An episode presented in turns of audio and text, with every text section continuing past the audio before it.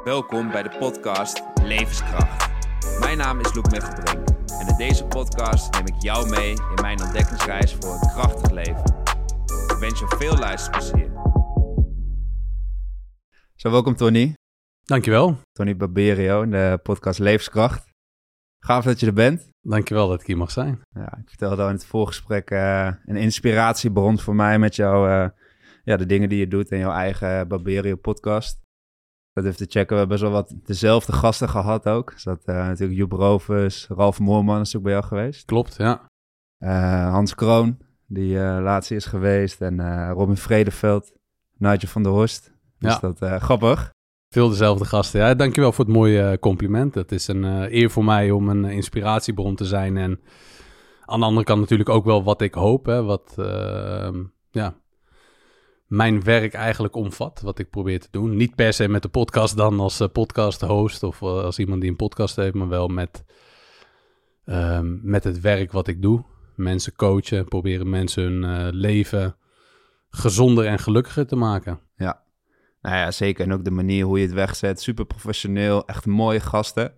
Ja, ook met gasten waar ik zelf van droom. Noem een Michael Pilarczyk, noem een Thibaut Olges, noem een ja. uh, Juriaan, uh, Dr. Juriaan. Dus dat is, uh, dat is heel vet. Ja, ja dankjewel. Ja. En natuurlijk Soul Gym, je eigen gym in, in Utrecht. Ja. Je, je privé gym waar je al je klanten fysiek, mentaal, emotioneel, sociaal sterker maakt. Dus dat... ja. Zou, zou je eens kunnen vertellen, wat is de reden eigenlijk dat je het doet wat je nu doet met de podcast, met je Soul Gym? Waar, waar is dat ooit uit ontstaan? Ik denk dat, dat je op jonge leeftijd wel duidelijk hebt of je het leuk vindt om mensen te helpen of niet. Net zoals denk ik dat iemand die in de zorg werkt al vrij snel duidelijk heeft dan, ja, dat dat iets is wat, uh, waar, waar je gelukkig van wordt. Ik denk dat iedereen daar elke dag mee bezig moet zijn om te kijken wat jou gelukkig maakt. Um, dat houdt in dat, um, dat ik daar wel snel achter was. Dat het voelt heel goed om andere mensen te helpen. Um, en op een gegeven moment, uh, toen ik begon met personal training, ja, was ik zeker niet al een, uh, een ervaren coach of, of iemand die daar gelijk heel goed in was. Ik weet wel dat ik gelukkig werd van elke dag naar de gym gaan. Uh, ik weet ook dat het me een goed gevoel gaf om er gewoon voor andere mensen te zijn. Of om dingen die ik had geleerd door te geven. Dat vind ik heel leuk. Of gewoon ervaringen te delen met mensen. Dus uh, ja, wij gingen elk jaar naar Italië op vakantie. Mijn vader komt uit Italië, is op zijn 16e naar Nederland gekomen. En dat gevoel herkennen mensen misschien wel. En dan wil je heel graag laten zien aan mensen die dan nog niet daar geweest zijn. Oh, moet je kijken, we gaan elk jaar hier naar Italië en oh, wat leuk. En dit restaurant en dit kun je eten. Dus ervaringen delen was misschien wel duidelijker voor mij dat ik dat leuk vond dan per se mensen helpen. Uh, maar ja, als je dat van jezelf weet, dan, ja, dan kun je je leven daar makkelijker op gaan inrichten. Dus ik zat elke dag in de gym en ik was toen op het moment dat ik daar die omslag in maakte, vijf jaar lang koerier. Niet mijn droombaan, maar op dat moment weer wel. Dus ik wist ook wel dat ik de potentie had en ambitie om, om veel meer te doen dan dat. Dus ik wilde eigenlijk gewoon ja, grootste dingen doen, alleen wist ik nog niet wat. En ik zat elke dag in die bus eigenlijk auto te rijden, wat ik heel leuk vond. Hoe oud was je toen? Ja, 18 tot uh, ja, 223 heb ik uh, courierswerk gedaan. Ik wist niet wat ik wilde worden, dus toen ben ik uh, courier geworden. Want autorijden vond ik leuk. En daar ook nog eens een keer betaald voor krijgen was best wel een, een, luxe eigenlijk. En ik had best wel veel vrije tijd, omdat de route was vroeg in de middag klaar. Dus ik zat eigenlijk elke dag in de gym. En toen was ik rond vier uur had ik gewerkt, dat ik mijn, mijn geld verdiend. Ik was naar de gym geweest en ik had de hele avond vrij. Dus de meest essentiële dingen, geld verdienen, fit blijven, fit worden, je goed voelen, had ik al gedaan. En ik kon lekker de avond vrij besteden. Alleen op een gegeven moment gaat het wel knagen. En dan merk je ook van, ja, ik, ik kan meer, ik wil meer. Wat kan ik nou doen? En ik zat elke dag in die bus na te denken, want je kan veel nadenken als je in de auto zit. Um, en in de gym zat ik na te denken. En elke dag, maar wat zal ik doen? Waar ben ik nu goed in? En dat zijn allemaal van die levensvragen die dan op een gegeven moment uh, opkomen. Als je 18, 19 bent, ben je eigenlijk nog helemaal niet dicht bij jezelf. Je bent op zoek naar jezelf, maar eigenlijk ja, doe je maar wat. En je doet vooral wat je leuk vindt. En toen kreeg ik zo'n signaal van, oké, uh, ik zag een andere personal trainer lopen. Ik wist nog helemaal niet dat dat kon. Dus toen ben ik gaan vragen van, wat doe je? ik geef personal training. En, en ik zei, hoe, hoe, kun je dat worden? Ja, hebt een opleiding, duurt zes maanden. Nou, 1600 euro, heb ik wel eens vaker verteld. Dus die drempel was zo laag. Toen dacht ik, ja, dat, dat kan ik wel volhouden, zes maanden. Want ik was niet echt iemand die graag naar school ging. Dacht ik, ja, zes maanden moet wel lukken voor iets waar ik al echt gewoon sinds mijn dertiende heel veel tijd aan besteed. Ik was heel vroeg, heel jong en nu is 13 een hele normale leeftijd in de gym. Maar toen was ik de enige, een van de weinigen in Nederland die toen op zijn dertiende al in een gym liep. En dat is nu 23 jaar geleden. Dus ja, sommige mensen die, die, die gaan niet zo lang naar de gym. Dus ik, mijn reis begon 23 jaar geleden in de gym. Dus er zitten heel veel uren in al, een hele andere tijd. Uh, ja, zo is het eigenlijk allemaal begonnen door, um, door 23 jaar geleden de gym binnen te stappen en, en daar later, uh, nou, een goede tien jaar later, uh, mijn beroep van gemaakt te hebben door opleidingen te volgen. Um, op een gegeven moment na vier opleidingen was ik bij de vijfde opleiding ben ik afgehaakt. Toen merkte ik ook wel van ja, ik zit zo diep al in die praktijk dat ik niet veel voel nu meer voor nog meer theorie opdoen. Ik wil gewoon alleen maar praktijkervaring opdoen. je hebt natuurlijk internet, je kan heel veel lezen ik moet zeggen dat Personal Bodyplan en uh, Tom Barton mij ook veel heeft geleerd via internet. Zij waren heel goed in het uh, onderbouwen van, uh, van, ja, van het stukje hè, voeding, calorieën, wat erin gaat, wat eruit gaat, dat principe. Ja, Tom is ook in de podcast geweest. Ja, mooi man. Ja. die, die heb ik ook nog gesproken om even tot, maar toen kwam het net niet uit. Um, maar goed, in ieder geval nu, nu is bijvoorbeeld een Joep Rovers weer een heel, heel belangrijk persoon die dan... Um, ja, veel verder gaat dan natuurlijk alleen maar calorieën bijhouden. Veel meer dingen. Je kan uh, klachten oplossen, uh, van uh, astma tot eczeem. Ja. Als je je daarin verdiept. Dus dat is, dat is dan veel interessanter. Maar ja, daarvoor wil ik dan niet per se opleidingen doen. Maar ik, ik richt me nu graag op de praktijk. Zoveel mogelijk mensen helpen en bereiken. En dat is een beetje het verhaal ja, wat, wat ik dan heb neergezet met Soul Gym. Dus ja, je hebt de privé gym waar één op één getraind kan worden. Waar mensen dus echt tijd kunnen kopen voor zichzelf met een, met een trainer in een privé gym. Dus niemand anders aan het trainen op dat moment. Ja, of je kan de podcast volgen, kost helemaal niks. Of je kan je zo meteen aansluiten bij de community. Waarschijnlijk als deze podcast online is, dan uh, kun je je aanmelden. Ja, bijvoorbeeld via mijn Instagram om lid te worden voor 5 euro per maand. En daar je aan te sluiten bij de community, waar uh, maandelijks een uh, live Q&A is die ik verzorg. wekelijkse mailing, als je lid bent, krijg je daar de mailing van. Uh, als eerste krijg je toegang tot, uh, tot events zoals ijsbaden, ademhalingssessies. Alles in die richting, weet je, waar mensen wel bekend mee zijn. Mannencirkels wil ik gaan doen, bijvoorbeeld met een Nigel. Die, dat lijkt me ook leuk om te organiseren. Ja, of gewoon de basis van alles. De basis van een gezond en gelukkig leven. Dat zal het eerste thema worden. die ik wil gaan draaien. Gewoon zelf organiseren. En voor de eerste 50 leden die zich inschrijven, die kunnen daar gratis aan, aan deelnemen. Dus dat zijn eigenlijk de verschillende manieren hoe ik dan mensen kan en wil gaan helpen. En, en ja, je hebt dus de high-end, echt uh, de luxe, het luxe, segment, de personal training. En ik heb echt jaren gezocht naar iets waarbij ik mensen dus voor, voor een heel klein bedrag per maand ook kan helpen. En dat is natuurlijk minder intensief, het is minder persoonlijk, maar het is wel heel waardevol. En als je ja, uh, daar instapt, dan ga ik je wel meenemen in die reis naar een gezonder en gelukkiger leven. Dan ga ik je wel aan de hand nemen. Ja, mensen meer levenskracht ervaren. Precies, dat is een mooie aanvulling, ja.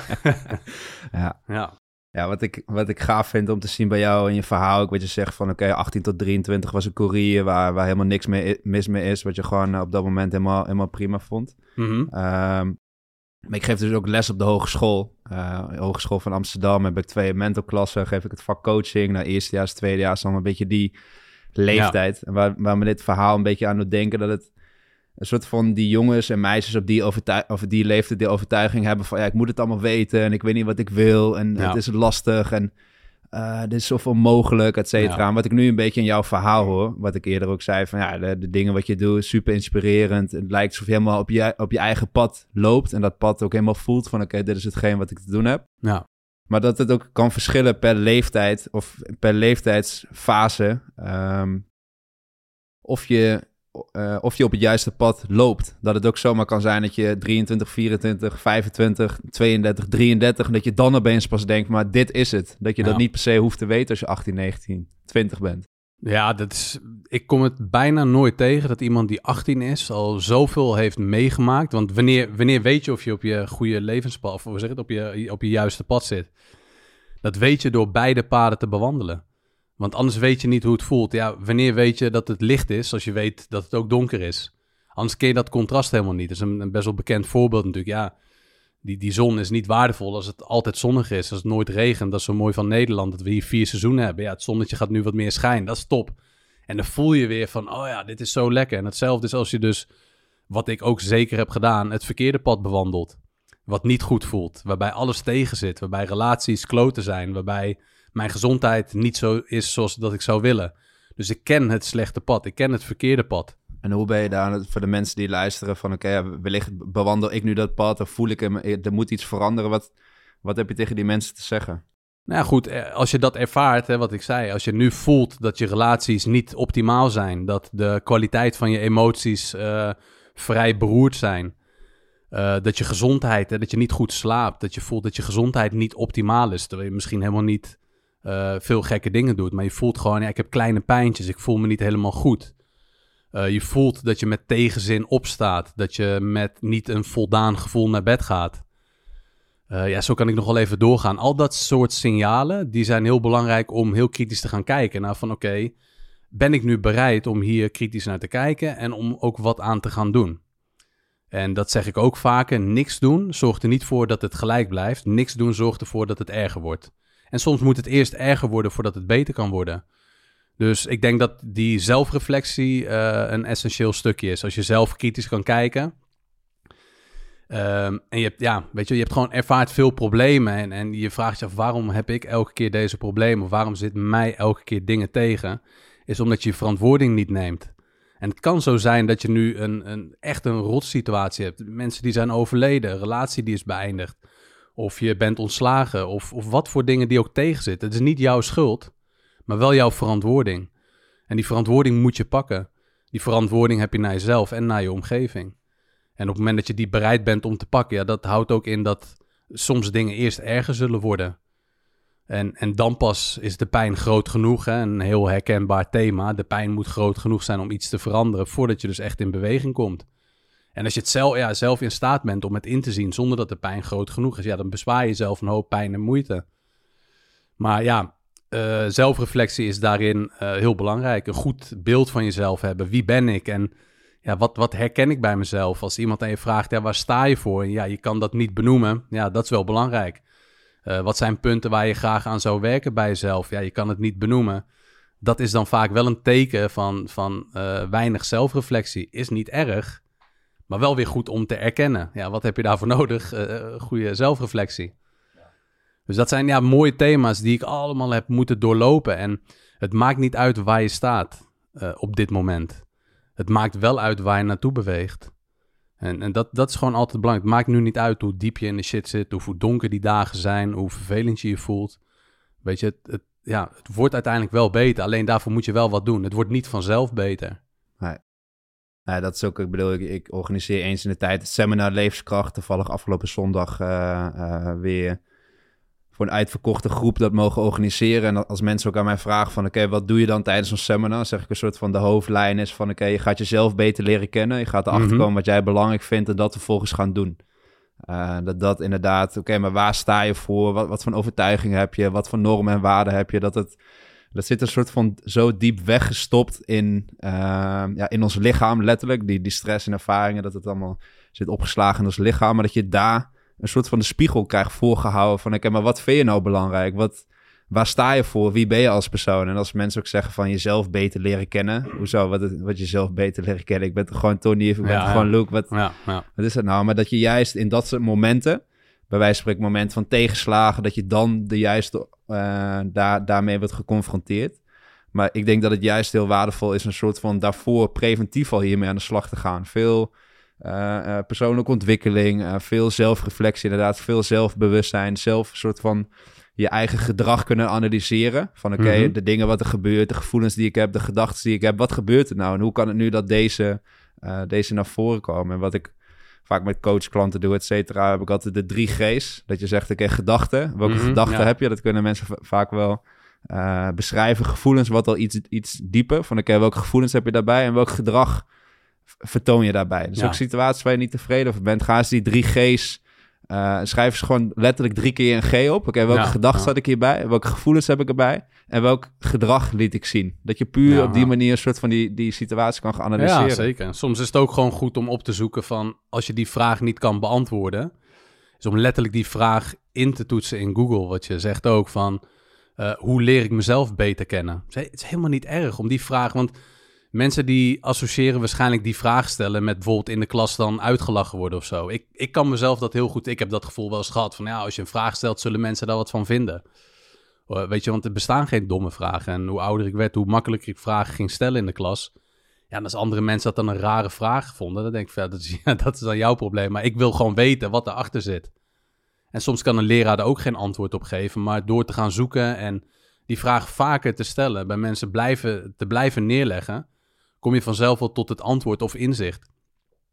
En je kan heel makkelijk die vraag gewoon, gewoon dat heb ik ook wel eens gedaan. Hoe ontdek je uh, uh, ja, bepaalde dingen, weet je wel? Of niet per se deze vraag, maar wel schrijf je vraag gewoon uit op Google. Hoe, hoe stel ik mezelf een goede vraag? Ja, dat lijkt dan heel raar om in te toetsen, maar dat is niet zo. Het is heel logisch. We maken veel te weinig, daar hadden we het net al even over, uh, te weinig goed gebruik van onze telefoon. Ik zit zes uur per dag op mijn telefoon. Maar ik zorg wel dat het een hele goede, waardevolle tijd is. Eén, dat ik of uh, om mijn telefoon moet lachen om dingen die ik zie. Of twee, dat ik waardevolle informatie uh, opzoek. Of drie, inspirerende mensen volg waarvan ik de informatie... Of, of in verbinding ben dan ook nog, hè. Want dat zijn allemaal dingen die uh, die telefoon wegnemen. Maar je kan ze ook daarmee toevoegen. Zorg dan als je op je telefoon zit dat het in ieder geval zo waardevol mogelijk is. Dat je je telefoon goed leert gebruiken. Dat je Google goed weet te gebruiken. Dat je YouTube goed weet te gebruiken. Dat je je algoritme zo inricht dat het voor jou dienend is. In plaats van dat het jou verstoort. In plaats van dat je eigenlijk alleen maar van die roddelpraatachtige pagina's volgt. Van die negatieve nieuwsbronnen binnenkrijgt. Ja, dan is het niet heel gek dat het ook slecht met je gaat. Want het is natuurlijk stemmingmakerij. Je telefoon is een stemmingmaker. En ja, jij bepaalt welke stemming, niet die telefoon. Dus dat besef is ook wel heel belangrijk om, uh, om te hebben als je dus op zoek gaat naar jezelf. Van oké, ja, wat doe ik nu eigenlijk? En hoe eet ik? Hoe slaap ik? Wat, wat zijn gedachten die ik heb? En die drie G's zijn heel mooi. Dat lijkt een beetje op de vijf G's van uh, emotieregulatie. Of je die wel eens hebt gezien, maar die, die, ja, die lijkt er heel goed op. Er zitten er nog twee bij. Ik weet even niet welke dat zijn, maar dat is in ieder geval wel een, uh, een mooi driehoekje om te gaan, ja... Zeker ja. erbij te pakken als je dus die vragen nog niet weet uh, te beantwoorden. Volgens mij is het eerst gebeurtenis. Dus ja, ja, oh, ja, dat was En dan nog één, die laatste, uh, wellicht kom ik zo dadelijk op. En wat ik daar altijd, en dan ben ik ook wel benieuwd wat, wat, het, wat het bij jou is. Wat ik vaak, wat ik ook tijdens een seminar doe, of wat ik vaak met coachklanten doe, is van, oké, maar welke kernwaarden zijn belangrijk voor jou? Waar, waar sta je voor? Dat ik letterlijk, ik had laatst een vrouw in de coaching, zij was 45, uh, werkte bij een groot advocatenkantoor en zat een beetje met de vraag zingeving. Oké, wat wil ik nou in mijn leven? En altijd een beetje het begaande pad. Uh, goed gestudeerd, goede baan, uh, traineeship, mm et cetera. En dat ik ook aan haar vroeg van... Oké, maar wat vind je eigenlijk belangrijk? Welke kernwaarden zijn belangrijk voor jou? Wat, wat zei ze? Hoezo kernwaarden? Wat, wat bedoel je daarmee? ik zei nou gewoon welke woorden omschrijven hetgeen wat jij belangrijk vindt. En vervolgens zijn we daarmee aan de slag gegaan. Maar zij nog nooit in haar leven had ze überhaupt zo'n opdracht gedaan. Dus letterlijk op Google, wat jij ook zegt, we hadden ingetypt uh, lijst kernwaarden. Nou, een hele lijst. Ik zeg, ja, maak maar top 10 van die kernwaarden. Volgens je top 5 en volgens je top 3. Oké, wat zijn de kernwaarden wat jij belangrijk vindt? Ja. Ik zeg nu, als je nu eens kijkt naar afgelopen week. Oké, je zegt dat vrijheid belangrijk is, maar je staat van 7 uur s ochtends tot 8 uur s avonds sta je helemaal volgepland. Ja. ja, volgens mij gaat hier iets mis. Of je zegt dat familie belangrijk is, maar wanneer is de laatste keer? Oh ja, shit, ik moest altijd werken, weet je wel. Ja, ja. Dat soort dingen, dat, dat mensen zeggen wel dat ze bepaalde dingen belangrijk vinden, maar leef je dat ook echt? Zeg je het alleen of leef je het ook echt? Dus dat, dat soort dingen vind ik ook wel interessant. Wat ben ik ook gelijk benieuwd bij jou. Wat zijn, wat zijn dan belangrijke kernwaarden voor jou? Uh, zingeving, denk ik toch wel dat dat uh, heel hoog staat. Uh, ja, waarde kunnen, waarde kunnen leveren aan, ehm, aan mensen. Dat wanneer ik dat niet doe, merk ik gelijk dat het veel slechter met me gaat. Uh, fitheid is ook een hele belangrijke. Uh, om, om, eh, om me goed te voelen moet ik fit zijn. En om fit te zijn moet ik me goed voelen. Dus dat werkt, hè? fysieke en mentale gezondheid. Uh, ja, en, en, nieuwe dingen leren ook continu. Dus ik wil continu ook uh, nieuwe ervaringen opdoen. Ehm, ja, en ook continu wel een doel hebben. Dat zijn, dat zijn voor mij wel hele belangrijke uh, kernwaarden die, die, die goed zijn. Vrijheid, wat je net benoemt, dat is ook een hele belangrijke. Die inderdaad, ja, als je daar niet voor waakt, dat je op weg naar vrijheid je vrijheid verliest. Ik vind dat zelf altijd een mooi, uh, een mooi thema, wat je goed moet beseffen. Dus om vrijheid te krijgen moet je opofferingen maken. En soms houdt dat zelfs in tijd. Dus de eerste jaren van mijn bedrijf, ja, en nog steeds wel, want je komt er niet zo makkelijk uit. Maar de, als je echt aan het bouwen gaat en je bent dus op zoek naar vrijheid, je moet altijd opofferingen maken. En in het begin kan dat dus juist tijd zijn. En dan ga ik vrijheid inleveren, investeer ik dus, om dus meer vrijheid te krijgen. Maar ik moet wel gewoon goed beseffen van, oké, wanneer is dat genoeg? Wanneer moet dat dan zich hebben uitbetaald? Of mensen gaan investeren eh, met geld.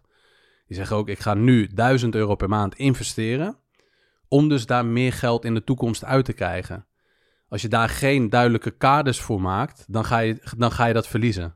Dan blijf je investeren, dan heb je dus hetzelfde ook. Ik ga afvallen, oké. Nou, prima, dat, dat kan. Hoe ga je het doen? En wanneer moet het bereikt zijn? En, wanneer, wanneer stop je dan bijvoorbeeld met afvallen? Als je die 10 kilo bereikt hebt, en wanneer wil je dat bereikt hebben? Na zes maanden, 12 maanden, kan allebei. Dat is allebei een prima tijd. Um, ja, 12 maanden is dan wat duurzamer. Maar goed, dat is weer een ander onderwerp.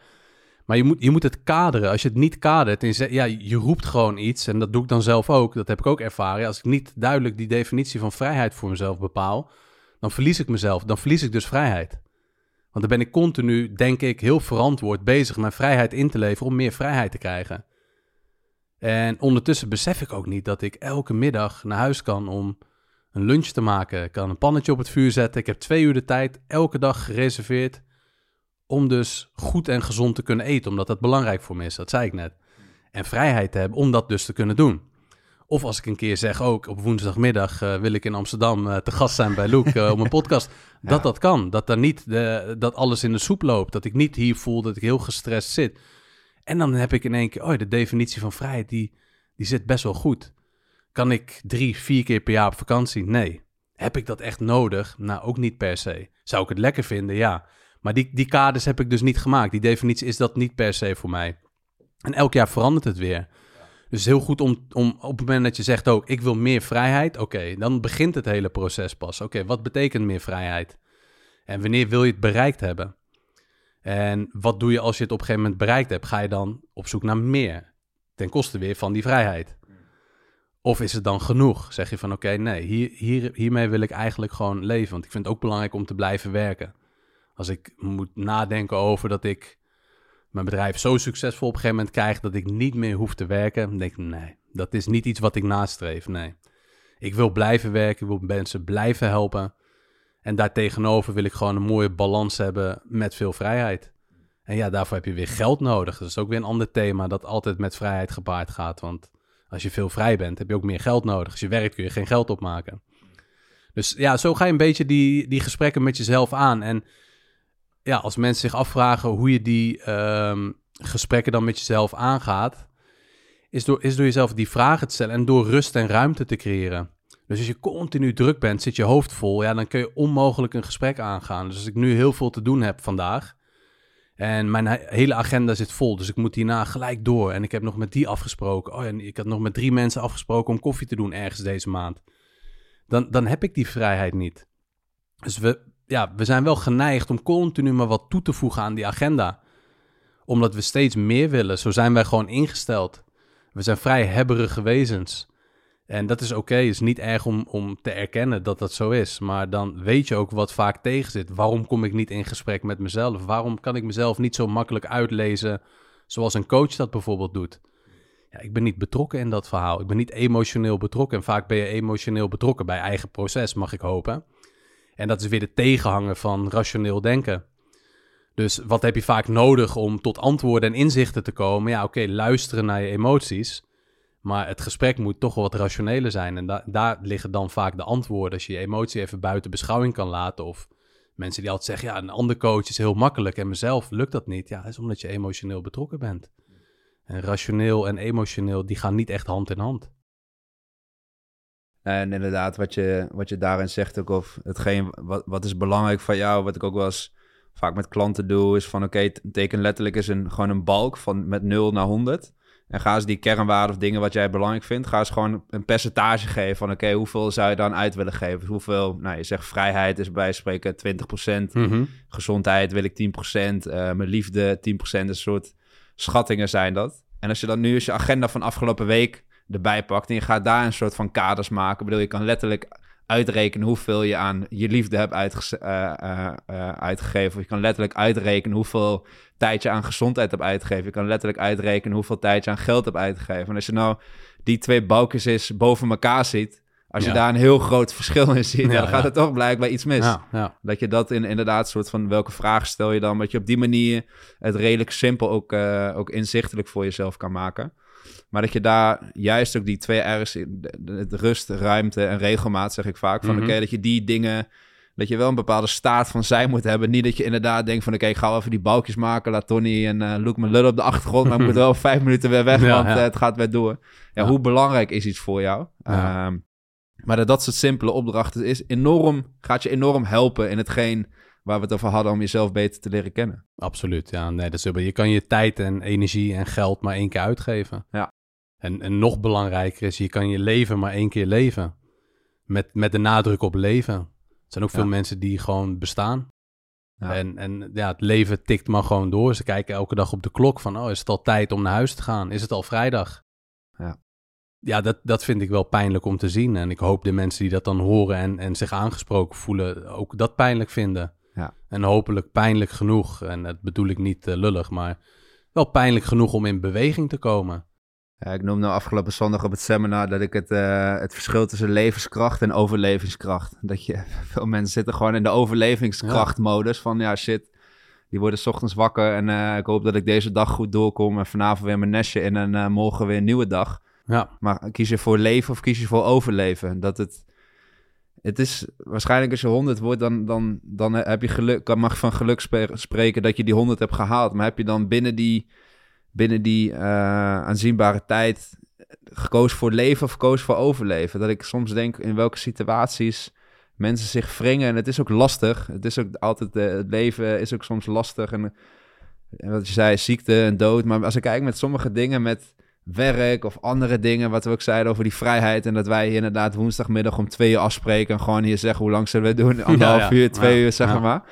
En, het, en ik, ik, snap uh, dat het ook lastig is. Maar dat, dat, wat ik bij jou heel mooi vind op te zien, wat je zei, is dat die situatie is nooit uitzichtloos. De, je kan altijd, uh, er is altijd een weg, er is altijd een, een manier om hetgeen te doen wat jij wil.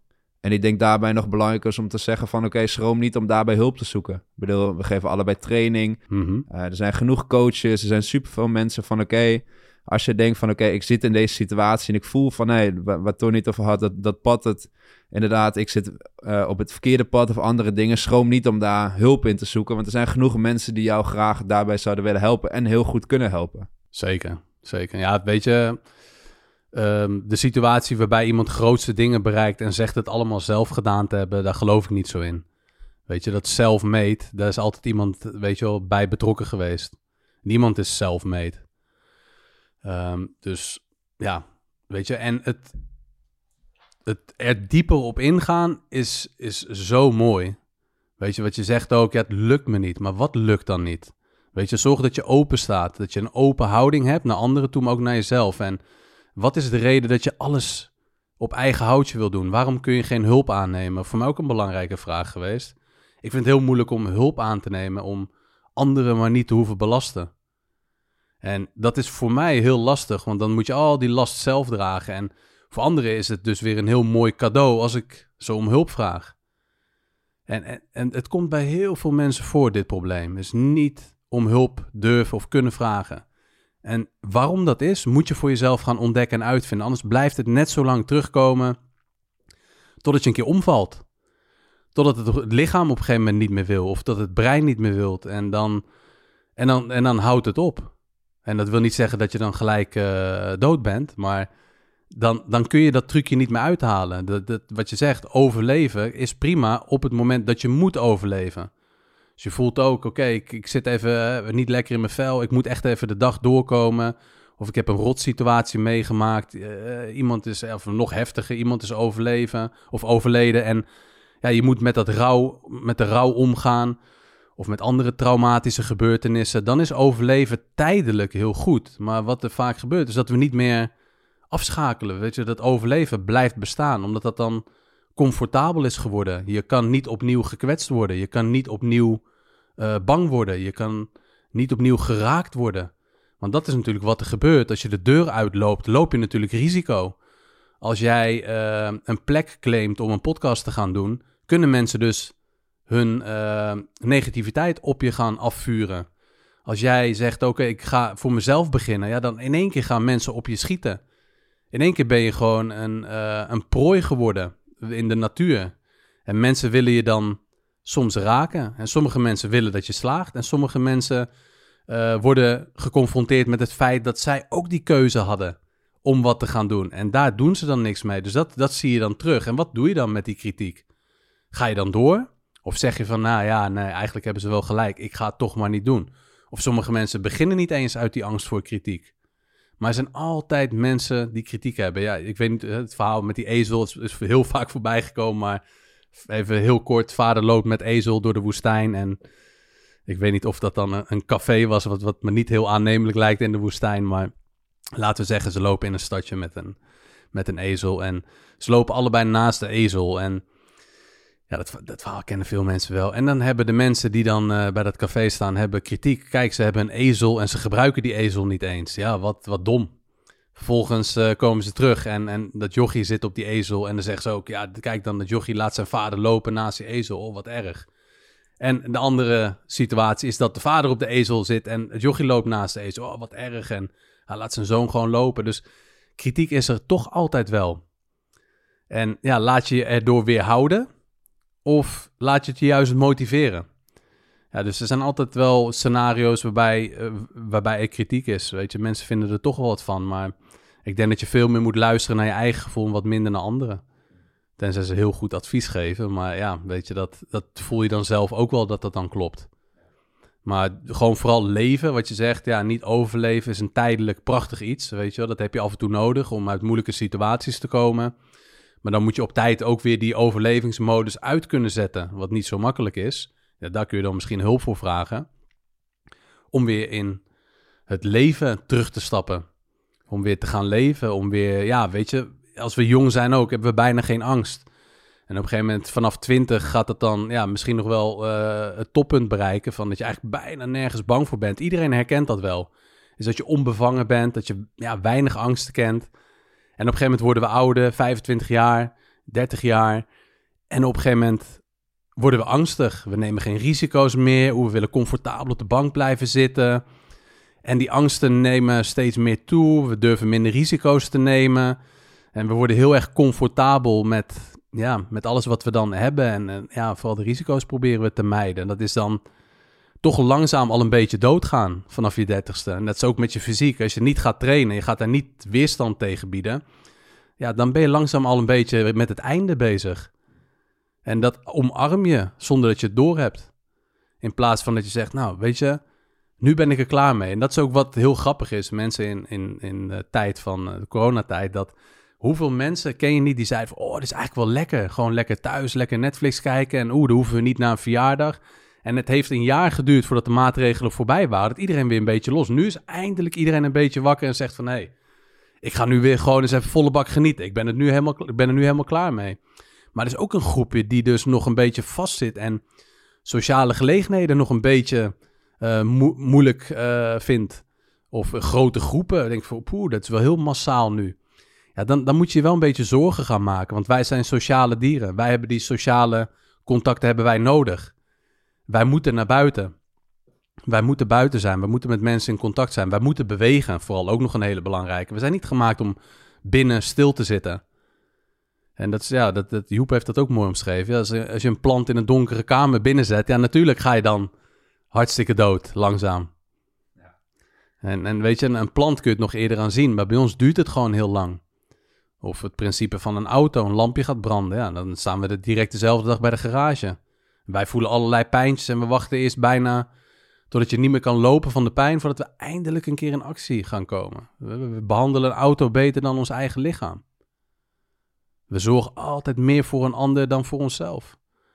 Ja, en, en dat, dat is dan een uitnodiging vaak. Het, is niet, ja, het hoeft niet per se een motivatie, ja, het kan een motivatie, maar meer een uitnodiging om, om jezelf eens goed onder de loep te nemen. En in gesprek te gaan met jezelf. Ja, hoe kan ik mijn leven op dit moment beter maken? En het hoeft niet geperfectioneerd te worden, gewoon puur beter maken. Als je nu elk weekend veel alcohol drinkt, nou, begin eens gewoon met wat minder alcohol drinken. Het hoeft niet gelijk in één keer heel acuut te stoppen. Gewoon elk jaar een beetje beter. Dat is over tien jaar heel veel beter. Maakt de drempel ook wat lager om dan te beginnen. Als je gelijk moet perfectioneren, ja, dan dat is vaak de reden waarom mensen niet beginnen.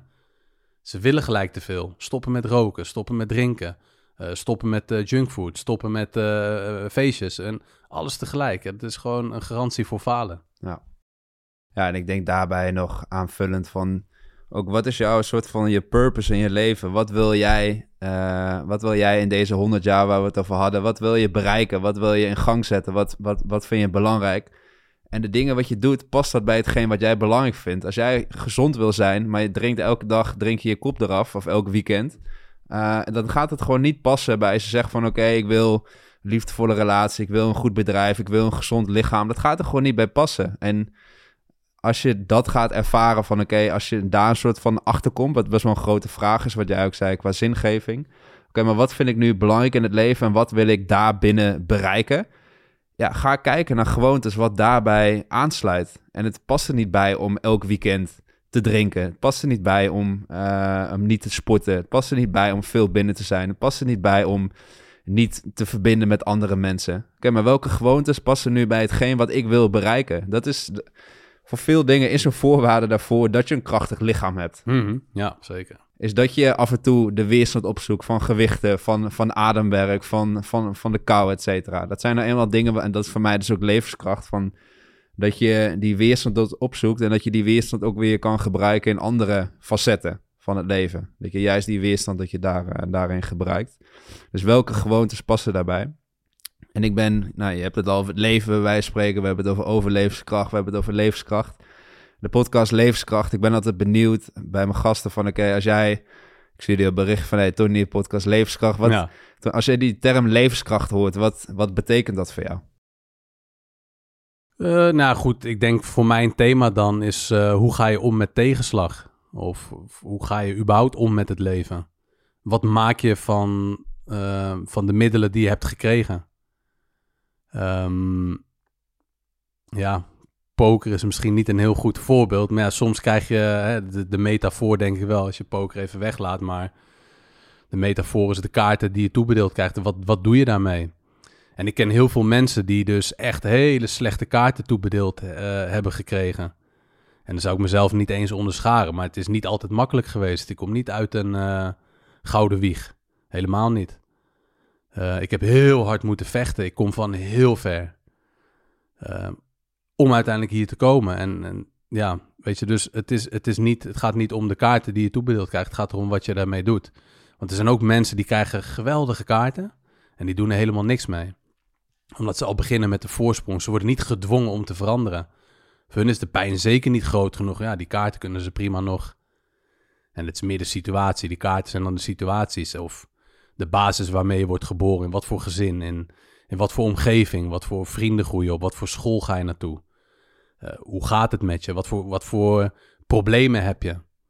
Weet je, want die hebben we allemaal. En, en hoe eerder je dat ontdekt en hoe eerder je uh, ontdekt dat je daar niet tegen moet vechten, maar dat je daarmee moet samenwerken, dan bezit je dus superpowers. Daar heb ik ook wel eens een keer wat over geschreven, een kleine story gemaakt is wij bezitten allemaal goede eigenschappen en negatieve eigenschappen. En elke goede eigenschap heeft een negatieve kant. Elke negatieve eigenschap heeft een goede kant. Dus stel je voor, je hebt een ijzeren discipline. Ja, dan, dan houdt dat kan, dat is geweldig natuurlijk. En dat, dat zal ongetwijfeld als jij dus ook mensen coacht. Maar jouw discipline is heel goed. Maar de tegenhanger daarvan is dat je af en toe misschien je emoties een beetje buitenspel zet. Om dus die discipline te kunnen waarborgen. Als je dat doorhebt, als je dat weet van jezelf, ja, dan is het een superpower. Want dan kun je het goed inzetten, maar je kent ook de keerzijde daarvan. Dus je weet rekening te houden met van oké, ik moet oppassen dat ik niet te veel mijn emoties negeer. Datzelfde voor mensen die bijvoorbeeld heel egoïstisch zijn, kunnen zijn. Dan heb ik het over mezelf. Dat is, dat is in principe een geweldige eigenschap als je daar goed mee om weet te gaan. Als je weet dat ik dus moet oppassen op het moment dat het dus heel veel over mij gaat, dat ik ook even wat gas terugneem, dat ik ook andere mensen een vraag stel helpt een podcast wel bij, maar, maar om aan te geven, dat, dat, ja, dat, zorgt, dat ego zorgt er natuurlijk wel voor dat ik shit voor elkaar krijg. En aan de andere kant moet ik dus oppassen dat ik ook niet te veel over mijn eigen of andermans grenzen ga. Ja, dan is het een superpower. Anders word ik een narcist. Ja, dat, dat kan ook. Dat, die fase heb ik ook wel gekend. Dat er meer narcistische trekjes zaten dan, dan dat ik mijn ego bewijzen van gewoon ga polijsten. En zeg van oké, ik ga het goed inzetten. En ik laat niet te veel dat mijn leven leiden. Ik zorg dat ik het inzet als superpower. Maar niet dat het mij beheerst. En, en zo zijn er nog heel veel eigenschappen. En, en die moet je voor jezelf ontdekken. Van oké, wat zijn nou echt mijn goede eigenschappen? En hoe kan ik die optimaal inzetten? En wat is de keerzijde van deze eigenschap? En hoe kan ik dat echt goed samen laten werken? En ja, dan, dan ben je in één keer een heel krachtig persoon. Want je hebt dus beide kanten aangekeken. Ja, je moet je goede kanten gebruiken. Maar je moet ook weten waar je elke keer tegen de lamp loopt. Waar je elke keer merkt van, hé, hey, elke keer ontstaan hier problemen. Dat een mooie eigenschap is, maar eigenlijk ervaar ik er veel nadelen van. En ik heb elke keer niet door hoe dat komt. En hoe kan je achter die superpower komen? Wat zijn dingen? Nou, ik denk dat je, dat je vaak het toch wel van jezelf weet. Wat komt elke keer terug? Waar, waar heb jij successen mee behaald op dit moment? Dat is ook mooi, altijd leuk om terug te denken. Want iedereen is wel op, op een bepaalde manier succesvol geweest in zijn of haar leven. Op dit moment, als je luistert. Sowieso dan, als je podcast luistert, dan ja, dat is al sowieso top. Dan ben je met jezelf bezig. Je luistert naar gesprekken. Je wilt beter worden. Je wilt er wat van leren. Dus ja, misschien goed kunnen luisteren. Of ja, het, het, het, spreekt voor zich. Iedereen heeft successen bereikt. Op het moment dat je hier nu naar deze podcast luistert, herken je wel successen die je hebt behaald. Ongetwijfeld. Ehm, of weet je waar je in je jeugd goed in was? Wat komt elke keer terug? En, en daar hoef je denk ik niet heel lang naar te zoeken. Je moet denk ik gewoon wat meer daar licht op schijnen en gewoon even met jezelf in verbinding komen van oké. En durf het ook te benoemen. En durf ook toe te geven dat, dat je ook een negatieve eigenschap hebt. Het is allemaal prima. Nou ja, zeker. En wat je zegt, ik denk die jeugd, vaak de, de dingen wat we vroeger deden, waar wij toen echt plezier uit haalden, waar je toen een soort van de tijd van vergat. Dat, dat zijn vaak dingen wat je een soort van wat we soms zijn vergeten ook. Soort, dat, dat is een mooi boek wat ik uh, laatst had gelezen van Ik en Mijn Ikke. Dat we een soort van uh, Engelse bus hebben. Grote dubbeldekken met allemaal persoonlijkheden die daarin zitten. En niet dat mensen nu opeens denken dat ze allemaal dubbele persoonlijkheden hebben of zo. Maar Um, Soms wel. Ja. maar meer degene, de, de persoonlijkheid wat op dat moment dominant is in jouw leven. Dat je uh, wellicht is de ene moment of levensfase de criticus iets meer. Dat je ook kritisch, uh, kritisch op jezelf kan zijn of anderen meer. Maar wat, het, wat eigenlijk een soort van algemene deler is bij veel mensen, is dat dat speelse kind. Mhm. Dus dat kind wat we vroeger lekker spelen en, uh, en met vrienden en lol maken, et cetera. Dat we dat die bij de meeste mensen allemaal een beetje achter in de bussen gaan zitten. Dat we die over de loop van de jaren allemaal een beetje, dat ju juist hetgeen waar we zoveel lol aan, lol aan hadden en plezier, dat we die, dat we een soort van het leven te serieus zijn gaan nemen. Ik denk dat dat, dat een belangrijke is, dat, dat ook dat, ik had laatst ook met een vriend daarover, gewoon kunnen spelen en kunnen lol maken. Dat hoeft niet allemaal een doel te hebben. En natuurlijk, je hebt een mooie podcast, ik heb een mooie podcast, het gaat vaak over persoonlijke ontwikkeling en doelen stellen, et cetera. Maar soms is het ook gewoon heerlijk als je gewoon lekker kan spelen. Als je gewoon zonder een bepaald doel of zonder dat je er de beet van moet worden. Maar gewoon dat, het, dat het speelse kind bij de meeste mensen weer, uh, weer naar voren kan komen. En ik denk nog een mooie wat me nu te binnen schiet van die superpower. De mensen in je omgeving, dat die ook een belangrijke rol daarin hebben. Die kennen jou natuurlijk. Ik bedoel, je ziet, die zien jou, wellicht collega's of je partner of je ouders. Dat zijn mensen die jou dagelijks of wekelijks ziet. Vraag hun eens, ga eens met hun een bak koffie drinken. Van, hey, als je nu echt eerlijk bent tegen mezelf, tegen hmm. mij bent. Ja. Wat, wat vind je nu bij mij een superpower? Of wat, wat, waar ben ik echt goed in? Of wat zijn ja. wellicht dingen... Ik heb echt regelmatig met mijn vriendin heb ik zo'n gesprek gewoon op een relaxe manier. Niet dat we met een notitieblokje allebei erbij zitten, maar dat, dat, uh, dat, dat ik ook tegen haar zeg, ik vind het ook fijn als je dat tegen mij zegt, want ik word daar ook weer beter van. Ja. ook de mensen in je omgeving, daar vraag eens feedback of stel ze inderdaad, wat jij zegt, een paar goede vragen en luister oprecht zonder gelijk in de weerstand te schieten. Of geef ze juist mooie complimenten. Maar wat vind jij nu bij mijn superpower? Wat, wat zijn dingen wat een soort van tegenhanger daarin is, wat ik ook laat zien? Heel waardevol, zeker. Ja, dat, dat is een mooie eh, aanvulling op wat je net zegt. En die vraag kun je ook nog simpeler maken. Wat, wat vind je fijn aan mij? Wat vind je minder fijn? Heel, gewoon heel simpel houden, weet je. Dan, dan kom je al een heel eind. En, en ook uitleggen waarom je dat graag wil weten. Ik wil meer in verbinding met jou komen. Meer in verbinding met mezelf. Ik wil mezelf beter leren kennen. Ja, dan kom je al een heel eind. Heel waardevol. En het wordt wel vaak vermeden. En ja, dan kom je er ook weer achter. uit, uit angst voor het antwoord. Alleen het punt is, als je het niet hoort... Uh, ja, je bent bang dat mensen je dan gaan verlaten. Ja, wat gaat dan gebeuren als als jij niet doorhebt dat iemand iets aan jou niet leuk vindt, ja, dan is de kans natuurlijk vele malen groter dat, dat zo'n relatie wordt beëindigd. Als je daar niet op tijd ehm, actie kan ondernemen. Dus ja, dat, dat is dan het gevaar. nog even terug te komen op het speelse kind. Dat is natuurlijk wel een heel mooi onderwerp waar ik niet snel voorbij wil gaan. Maar ja, waar is het ooit begonnen dat dat uh, gestopt is? Het kind wat eigenlijk dus aan regels moet voldoen. Geldende regels van school, geldende regels van ja, wellicht ook de overheid. Dat dat op een gegeven moment natuurlijk ook wel belangrijk is. Um, geldende regels van ouders vooral. De conditioneringen die ons worden opgelegd. Uh, angsten van ouders, beperkingen van ouders, wel of geen erkenning van ouders, goed genoeg zijn allerlei conditioneringen die je dus in je jeugd meekrijgt. Ehm, wanneer je afwijkt, word je gecorrigeerd. Wanneer je je gevoel volgt en uitspreekt, ja, word je vaak ook gecorrigeerd. Dus ik denk dat ergens uh, op het moment dat je kind bent, langzaam die conditioneringen van ouders in jouw uh, poriën gaan zitten, onder jouw huid gaan kruipen, littekens worden. En op een gegeven moment, als je volwassen wordt, moet je jezelf dus afvragen of je nog keuzes maakt die diep van binnen jou dienen? Of dat je eigenlijk in de, voet, of ja, eigenlijk in de voetsporen van je ouders aan het trainen bent, waar zij trots op zouden zijn, wat zij belangrijk vinden. Heb je nog steeds, even heel plat gezegd, of heb je nog steeds, of heb je inmiddels de ballen ontwikkeld om je eigen keuzes te maken, die diep van binnen echt jouw keuzes zijn? Of ben je zo geconditioneerd dat je toch nog steeds de keuzes maakt die anderen gelukkig maakt, waarvan jij denkt dat het anderen blij maakt. En dat is heel ongezond. Dat gaat je opbreken. Daar kun je niet voor weglopen dat het jou gaat opbreken. En op een gegeven moment, ja, komt het leven bij je aan de deur en die zegt ook van dit werkt niet meer. Relaties gaan kapot of je gaat zelf kapot. Maar dingen gaan kapot als je niet leeft volgens je eigen regels.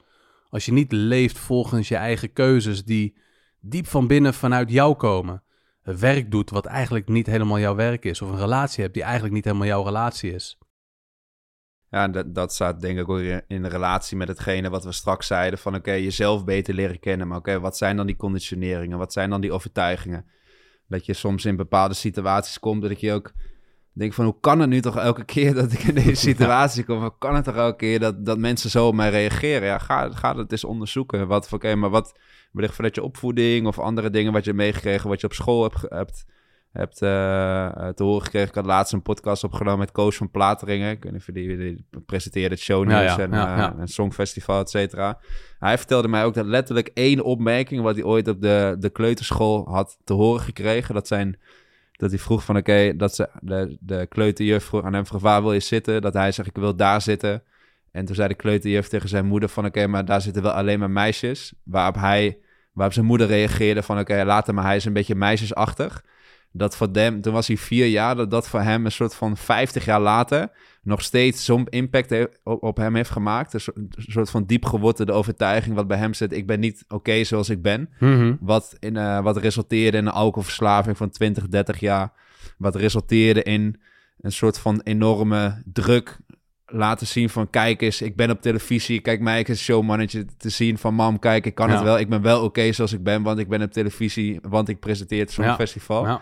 Het was voor mij heel bijzonder om dat te horen. Letterlijk één opmerking. En achteraf zaten natuurlijk ook wel andere voorbeelden. Maar dat was heel duidelijk bij hem uh, binnengekomen. En het blijkt ook uit onderzoek dat die periode van 0 tot 7 jaar in je jeugd enorme belangrijke soort van basis is voor de rest van je leven. Ook bepaalde overtuigingen wat daar worden opgebouwd.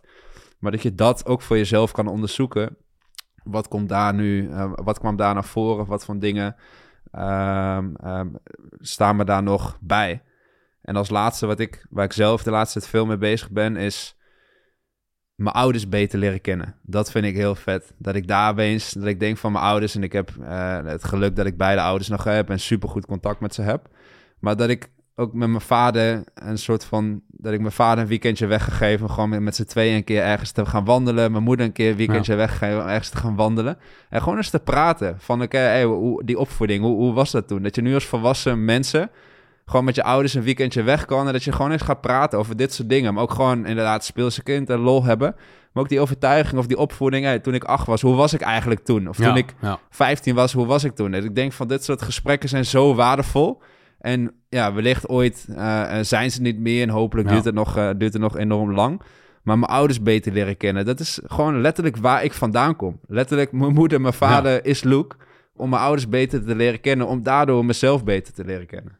Heel, heel waardevol. Mooi dat je dat uh, kan doen en ook wilt doen. En ik heb die luxe ook dat ik mijn ouders ook wel kan meenemen. En alles wat ik dan heb geleerd en waar ik tegenaan loop. En ja, dat een soort van kan teruggeven. Uh, en, en zelfs als dat niet zo is, dan heb je daarin nog een verantwoording te nemen. Dat, dat blijft terugkomen. Uh, als je merkt ook dat je ja, die keuzes niet vanuit echt oprechtheid maakt, niet vanuit uh, je authentieke zelf, hè, dan, ja, dan heb je gewoon werk te doen. En het mooiste is natuurlijk als dan daaraan gekoppeld of daar achteraan volgt een gesprek met je ouders. Of misschien begint het daarmee, maar ja, niet iedereen heeft altijd die mogelijkheden. En laat dat je vooral niet weerhouden om in actie te komen. Omdat nu tegenwoordig in actie komen is echt zo moeilijk. Het is zo lekker thuis. We hebben alles. Alles heb je in huis wat je dan nodig denkt te hebben. Maar dat is natuurlijk niet zo. Alles ligt buiten. Alles is buiten. Alles ligt op het moment, uh, of alles ligt daar wanneer je in actie komt. Daar liggen alle mogelijkheden. Daar liggen alle bijzondere dingen in actie komen. En met alle theoretische kennis en alle filmpjes die er zijn, alle podcasts die er zijn, maakt het het ook voor mensen steeds moeilijker om in actie te komen. dat je op een gegeven moment zo'n uh, informatiedatabank bent geworden en alleen maar meer kennis vraagt. Nog een boek lezen, nog een podcast luisteren. Na die podcast ga ik echt in actie, echt in, echt in actie komen. Ja, wat gebeurt er? Mensen komen niet in actie. Dan meer. Dus ja, je moet dingen blijven doen. Uh, blijf dat ijsbad nemen. Blijf zo'n ademhalingssessie doen. Of ademsessie. Of ga een familieopstelling doen. Weet je, dat soort dingen. Dat zijn echt hele... Ga dus een afspraak maken met een psycholoog. Om, omdat het bijna arrogant is om te denken dat je hem niet nodig hebt. Als je nu op dit moment luistert en nog niet met een psycholoog hebt gesproken. Dan, dan, ja, dan zou ik je echt uitdagen om daar dus een keer eens mee te gaan praten. En kijken wat daar uitkomt. En als je denkt dat je niks te bespreken op nergens wat, dan ben je zo'n zeldzaam geval dat we allemaal wel een keer een psycholoog kunnen gebruiken. Allemaal wel eens een keer een personal training sessie of periode kunnen boeken. Allemaal wel eens een keer alleen op vakantie kunnen gaan. Allemaal wel eens een keer kunnen vasten. Weet je al, doe je intermittent fasting of gewoon een keer 24 uur niet. Weet je, die uitdagingen of een keer wat nieuws doen. Gewoon uh, ga eens een keer nieuwe sport doen of ja, een keer alleen uit eten, alleen naar de bios. Weet je, gewoon dingen die een beetje uit, waarvan je eigenlijk een beetje bang wordt. En, en je moet voor jezelf ontdekken wat dat dan is. Maar kies dan iets wat niet binnen je comfortzone ligt. En dan, dan wordt het leuk. En dan merk je weer van, oh, dit is zo lekker. Wanneer ik dit dan heb gedaan, heb ik iets overwonnen. En dat maakt je dan direct krachtiger. Ja, ik hoorde inderdaad wat jij ook zegt over die psycholoog, et cetera. Ik, ik, had daar laatst ook met een vriend over. En dat is voor de rest, ik, ik noem geen namen, is voor de rest privé. Maar mhm. wat hij ook vertelde uh, tegen mij, dat ze ook inderdaad die familieopstellingen en met een therapeut aan de slag zijn gegaan om te kijken van hey, bepaalde dingen wat binnen ons gezin gebeurt of is gebeurd vanuit de opvoeding, waar komt het nou vandaan?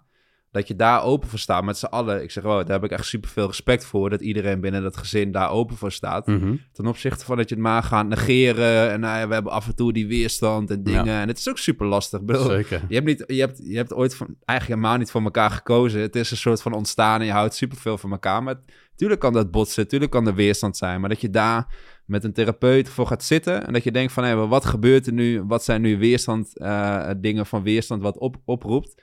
En daarmee aan de slag gaan. Dat ik zei van, wow, fucking vet, weet je wel. Dat jullie dat doen, initiatief nemen. Ten opzichte van dat we allemaal maar denken, ah, hoort er af en toe bij. En uh, we leven allemaal ons leven en we gaan weer verder. Nee, daar ook gewoon jezelf beter leren kennen. En die shit gewoon oplossen. Ten opzichte van het maar te negeren en te weten van ja, over een paar maanden barst weer de bom en dan kunnen we een half jaar tegenaan. ja. Ik dacht wel echt super veel respect dat jullie dat doen. Heel gaaf. Zeker. Ja. Dat is heel mooi. Vooral als iedereen er ook aan deelneemt. Dat is, dat is het mooiste wat er is. Ja. Ik weet niet of dat veel voorkomt, dat dat, dat, dat uh, voor nou, mensen ja, Maar het is nogmaals ook, weet je, houd gewoon bij jezelf. Zeker. Kom in actie en ja. mensen haken vanzelf wel aan of niet. Ja. Maar laat dat je vooral niet weerhouden om het dan toch te doen.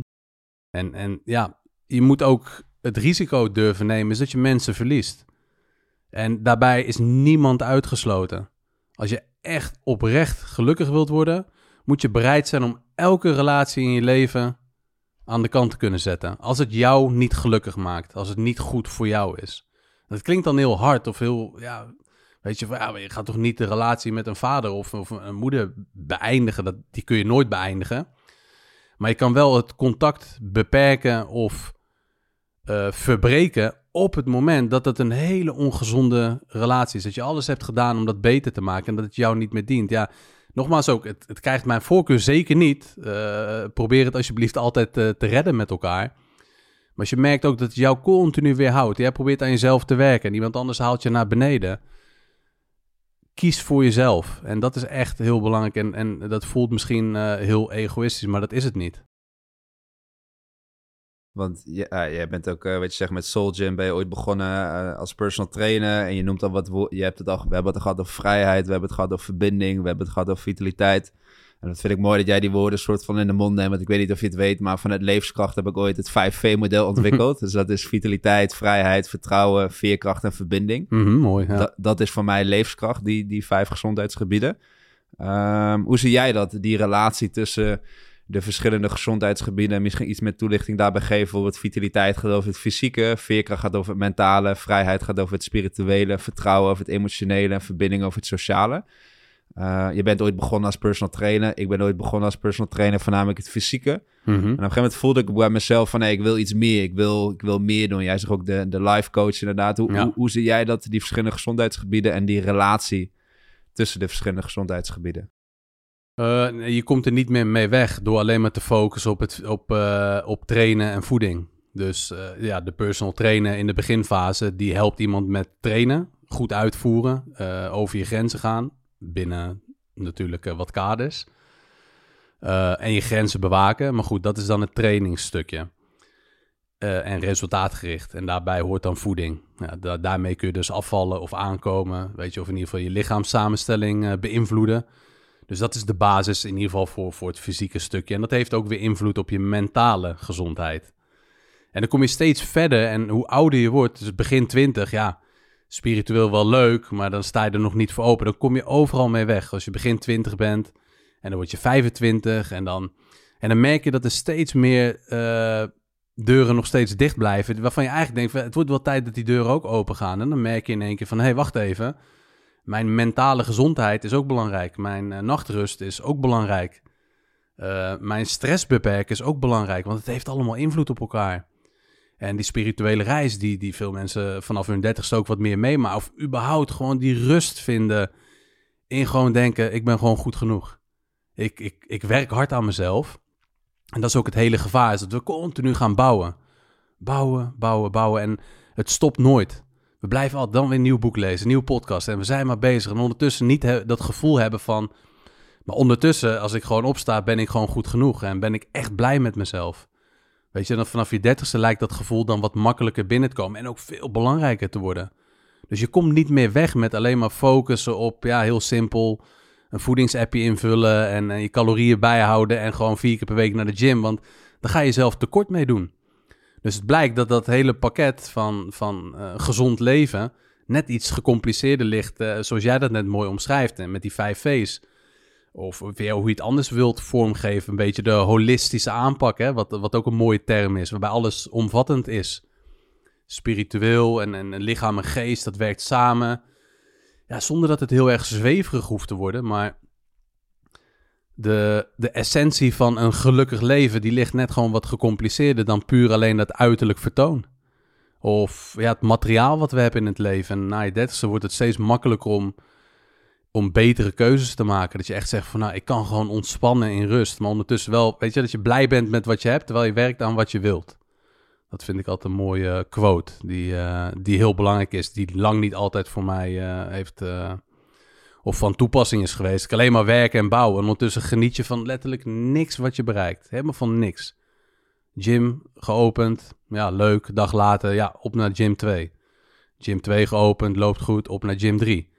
Volgens een podcast, uh, weet je wat jij net zegt ook. Ja, dan moet ik af en toe gewoon even mezelf wakker schudden. Ja, uh, dat Michael Pilarsik is langs geweest. Of Tibor, weet je. Dat, ja, dat zijn, dat zijn niet uh, de kleine namen. Of dat, dat de laatste las ik dat er uh, 50.000 unieke luisteraars waren bij Barberio Podcast. Denk ja, maar daar ga, ga je maar gewoon aan voorbij. En, en zo stapelen we elke keer dingen op die je bereikt, zonder daar dan van te genieten. En waar, waar, waar stopt het dan een keer? Dan ja, zometeen 70 ben of 80 of weet ik veel hoe oud je wordt, maar in één keer terugdenk ik heb eigenlijk helemaal niet genoten van alles wat ik heb bereikt. En ik ben nog steeds bezig met nieuwe dingen bereiken. Dus daarin balans vinden is denk ik toch ook wel belangrijk. Is dat je gewoon geniet van wie je op dit moment bent. En ja, als diegene die je in de spiegel nu aankijkt niet bevalt, ga dan daar in actie komen. Verander het dan. En, en stop dan met gewoon het accepteren dat het is zoals dat het is. Want het is niet zoals dat het is. Je, ja, je bent het aan jezelf verplicht om daar gewoon werk van te maken. En, en niet alleen aan jezelf, maar ook aan anderen. Als je dan mensen in je leven hebt. Ja, nee, zeker. En uh, misschien ben die laatste G ook te binnen. We hadden het over het 5V-model natuurlijk. En die laatste G, ik, dacht erbij eens, oh ja, 5V, 5G. En het is, je hebt gebeurtenis, gedachte, gevoel, uh, gedrag, gevolg. Ja, dus dat, ja, ja, dat zijn ze. dat was het toch? ja, klopt. Wees schoot die te binnen. um, en dan ben ik gelijk wel benieuwd. Dat je noemt inderdaad een Michael Pilarczyk, je noemt een Tibor, je noemt een, uh, een Dr. Juriaan. Echt hele, hele gave gasten allemaal. Wat zijn, wat zijn een soort van dingen wat jij hebt geleerd vanuit je podcast? Je hebt natuurlijk vele uren fantastische gesprekken uh, gevoerd met de meest fantastische mensen. Wat zijn echt dingen wat jij denkt van dat heb ik geleerd in de Barbirio podcast? Uh, zij, zij staan ergens voor. Dus uh, het zijn niet manusjes van alles. Een beetje, ja, een gek woord. Maar het is niet, zij zijn niet uh, overal goed in. Zij kiezen een onderwerp en worden daar gewoon heel goed in. Ze laten zich niet afleiden door allerlei randzaken. Wij, willen alles hebben. En zij willen gewoon hetgene wat ze doen, willen ze gewoon goed doen. Dus het houdt ook in dat je steeds... Uh, ja, het lijkt saai, maar dat is ook... Ja, wat is dan saai? Weet je, als je op een gegeven moment denkt... Ja, ik wil meer doen en meer doen en meer doen. Dat, dat, dat is niet altijd beter, zeker niet. Uh, wat, wat ik ook heb geleerd is dat zij uh, de kracht van eenvoud. Zij hebben iets zo vaak uitgelegd. En ze focussen zich op veel minder dingen en zorgen dat ze daar echt een specialist in worden. Tibor heeft dat ook wel eens uitgelegd van zo'n Amsterdamse koekje. Ik ben even die naam kwijt, maar mij... jij, jij, kent hem misschien wel. Of mensen die luisteren, maar die verkopen gewoon één koekje voor één prijs. 2,30 of. Ja, ja, precies. En het is gewoon één koekje, geen korting. Die, die wordt gewoon elke dag wordt die uitverkocht. Ja, het lijkt saai, maar ja, het is wel, je kan beter denk ik specialist worden in één ding dan maar alles een beetje half doen. Dus ja, zij focussen zich veel meer op minder dingen, doen dat geweldig.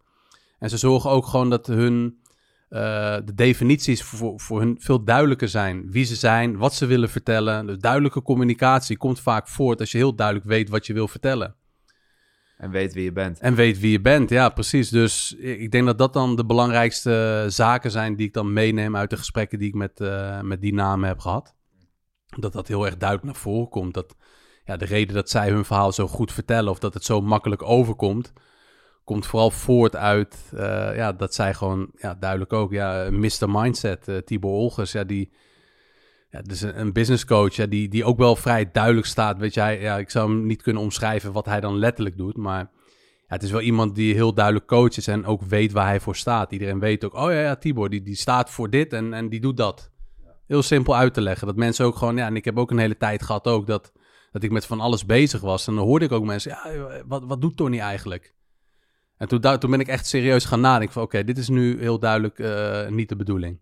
Ik wil niet bekend staan omdat ik maar wat van alles doe. Dat is echt een, een, ja, zeg het, eh, een slechte omschrijving van wie ik ben en wat ik doe. Dus, maar dat is dan aan mij de taak. Dat ligt niet aan de mensen. Aan mij de taak om veel duidelijker die definitie opnieuw te bepalen. En hoe ervoor te zorgen is dat ik... Hoe wil ik, hoe wil ik bekend staan? Uh, nou goed, als coach eigenlijk. En dat zei ik voor de podcast ook. Ik vind een life coach vind ik zeker niet de, de meest mooie naam. Maar ja, goed, er is weinig uh, er zijn weinig andere namen voor het stukje wat ik dan doe. Mensen coachen naar een gelukkiger en gezonder leven. Door middel van fysieke en mentale coaching. Het is één kort woord. Maar die naam maakt niet zoveel uit. Maar mensen weten nu wel wat ik doe.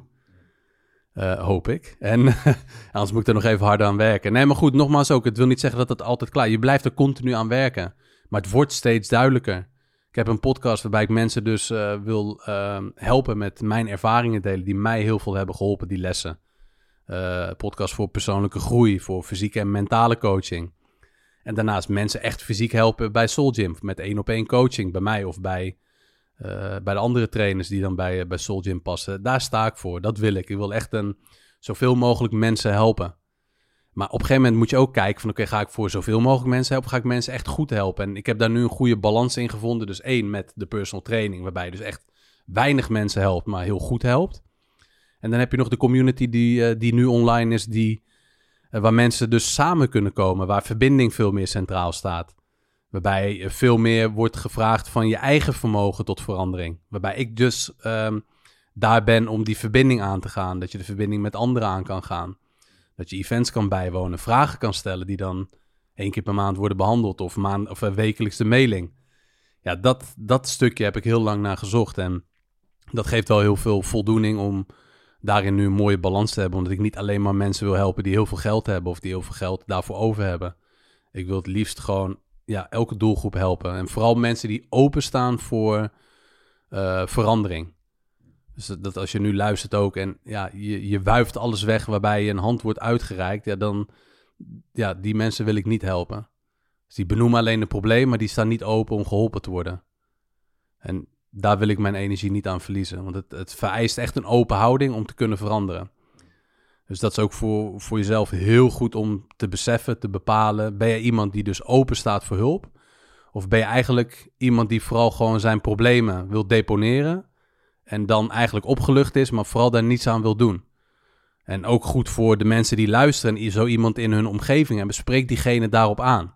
Van hé, hey, wacht even, maar ja, ik denk dat het probleem wat je nu ervaart, dat je dat met die persoon moet bespreken ik vind dat uh, het probleem wat je nu ervaart, ik vind niet dat je daar een open houding in hebt om te veranderen.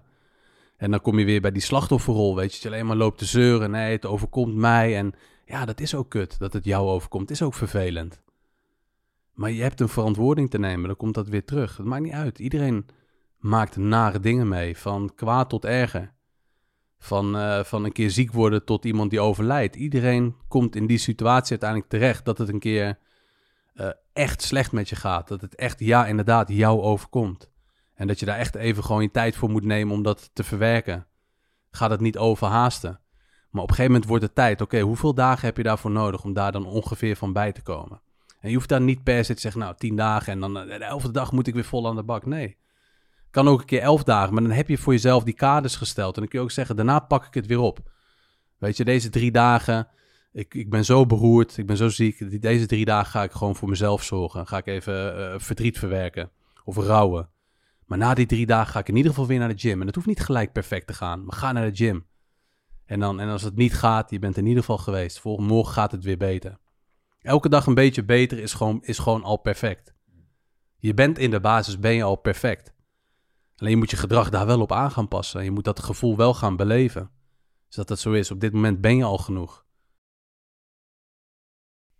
Ja, ik vind het mooi. Ik heb, dit is volledig vanuit mezelf ontstaan, maar het lijkt net alsof ik het woordenboek heb opengeslagen en toen gekeken van oké, welke woorden beginnen dan met een V, maar een soort van, ik heb nog de vier V's extra om de, uiteindelijk die vijf V's te realiseren. Dus vitaliteit, vrijheid, veerkracht, verbinding en uh, uh, vertrouwen. Maar ik, ik hoor, ze jou zeggen, wat daarbij belangrijk is om dat te realiseren, is verantwoordelijkheid nemen. Dus jij mm -hmm. bent de enige persoon die verantwoordelijk is voor jouw uh, levenskracht. Er moet een bepaalde verandering plaatsvinden. Um, volharding, dus dat is ergens consistent mee bezig zijn. Dus dat is ook van jou uh, uh, altijd, uh, altijd een beetje, of altijd een beetje wint het altijd van opeens heel veel. Ja. En als laatste ehm, vaardigheid. Dus dat je competentie moet ontwikkelen. Hetzelfde met trainen. De eerste keer dat jij 13 was, ging in de gym, kon je niet gelijk allemaal benchpress en squat en deadliften. dus je moet ergens competentie in, ont in ontwikkelen. En ik denk dat die phase heel belangrijk zijn. Dat je inderdaad verantwoordelijkheid neemt. Dat je verandering uh, in gang zet. Dat je uh, vaardigheid ontwikkelt. En volharding dus ergens constant mee bezig zijn om dat uiteindelijk te, te realiseren. Dus ik hoorde die woorden ja, een beetje ja. tussen neus en ja, zeggen. Toen dacht ik, ja, dat is wellicht nog een... Uh... Ja, het is wel goed inderdaad wat je zegt. Je hebt het mooi samengevat wat, wat die phase dan uiteindelijk ja. zijn. En ja, het maakt niet uit welke podcast jou gaat motiveren, maar vind, vind inspirerende mensen. Of, of, of jij dat bent, of ik dat ben, of iemand anders. Maakt niet zo heel veel uit. Want, van, ja. want van jou, ik vond het wel mooi dat we in het voorgesprek daarover hadden van dat jij dat duidelijk aan de richting mij uitsprak. Maar als jij, want de Tony over tien jaar, waar zien we Tony over tien jaar? Dat, uh, ja. dat, waar gaan we jou vinden en waar ga je heen? Ja, nou goed, ik denk dat, uh, dat Soul Gym uh, belangrijk is dat dat echt een, uh, een gevestigde naam is, waarbij heel veel mensen heel veel plezier beleven aan de hulp die wij bieden op locatie. en ik probeer me nu ook wat meer te richten op, op heel Nederland. Dus um, ja, ik ben nu 36, ik wil voor mijn 40ste wil ik in ieder geval een zaal gevuld hebben. Een bioscoopzaal bijvoorbeeld ben ik nu aan het oriënteren. Daar kunnen ongeveer 100 mensen in. Er zijn ook waarschijnlijk wel wat grotere bioscoopzalen. Maar binnen vier jaar wil ik uh, zalen gaan vullen, mensen inspireren, samen laten komen. Um, voor mij mag het dan wat meer een dynamisch karakter hebben, waarbij ik niet alleen maar een uur tot twee uur aan het praten ben, maar het liefst loop ik ook de zaal in met mensen die een vraag hebben. Maar dat is een beetje nu wat ik voor ogen heb, is uh, met de podcast gewoon ja, mooie gesprekken blijven hebben. Maar heel duidelijk is wel dat ik uh, ja, nu voor, voor heel Nederland wil gaan en een rol van betekenis wil spelen. En daarbij wel gezegd hebben, is dat ik zeker niet voor iedereen de juiste persoon ben om jou uh, te helpen. Maar voor de mensen die daar wel voor openstaan en die wel zoiets hebben van oké, ja, dit is de persoon die mij aanspreekt. Want je, iedereen heeft die persoon. Hè? Dus ik heb ook wel eens met mensen gewerkt, business coaches of een psycholoog. Werkte niet. En dat is prima. Dan moet je niet stoppen, dan moet je niet opgeven. Dan ga je door naar de volgende. Daar zit ook weer een les in. Dus de mensen die ik dus kan aanspreken in Nederland, en ik weet niet hoeveel dat er zijn, maar alle mensen die ik kan aanspreken in Nederland, die wil ik gaan aanspreken. En of dat dan is door middel van een podcast, eh, door middel van privé-training, door middel van de community die nu gebouwd is en online is. Uh, of door dus uh, het land in te gaan en dus shows te gaan geven. Het maakt niet uit, maar ik, ik ben onderweg. Dus als je mij nog niet hebt gevonden, dan hoop ik je snel te ontmoeten en te kunnen helpen en een bijdrage te kunnen leveren aan jouw leven, te leveren aan jouw leven. Zoals mensen dat dus ook voor mij hebben gedaan. Ik was nooit van die donkere plek gekomen zonder dat ik dus hulp heb gehad. Gelukkig. En alles kon aanpakken wat ik moest aanpakken. En het lukt ook niet altijd. En er zijn ook mensen bij geweest die niet voor mij de persoon waren van wie ik moest leren.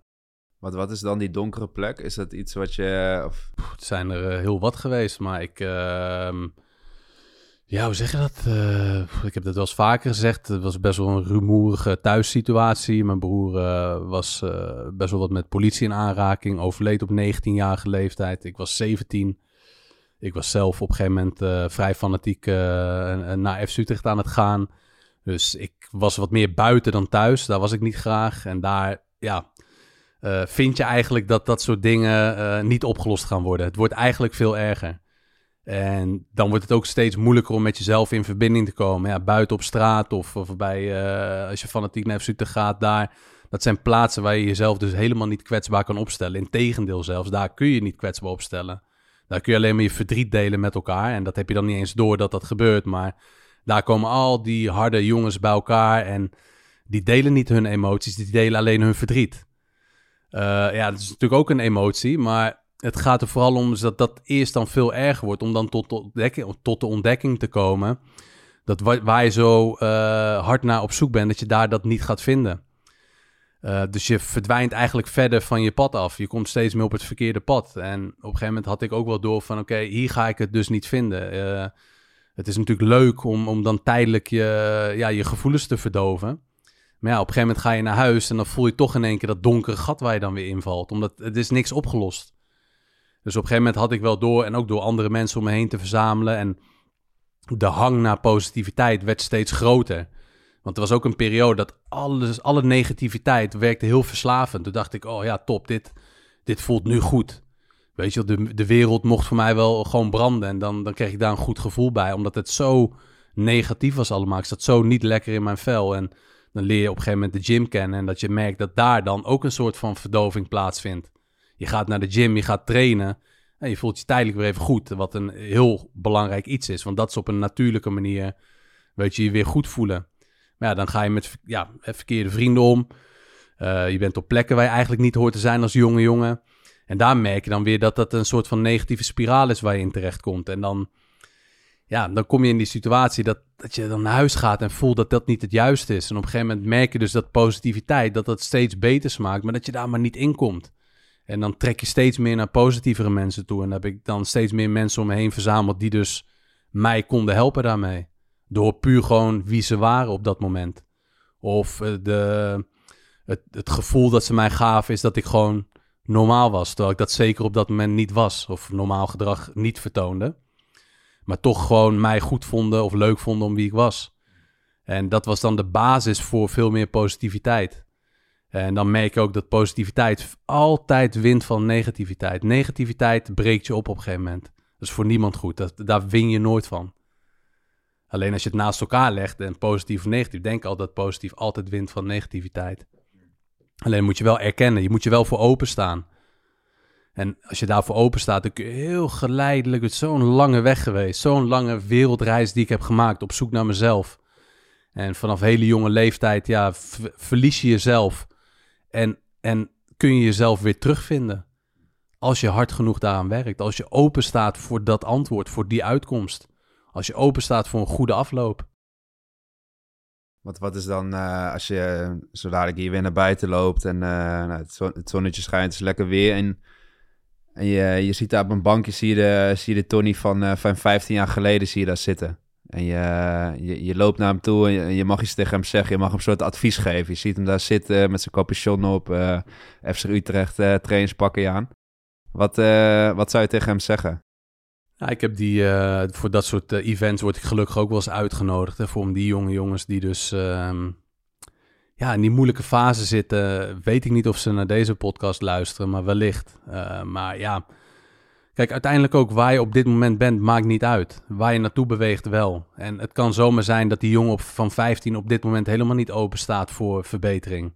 Dat hij op dit moment gewoon puur even die donkere tijd moet gaan, gaan aanvaarden. En weten dat die donkere tijd voorbij gaat.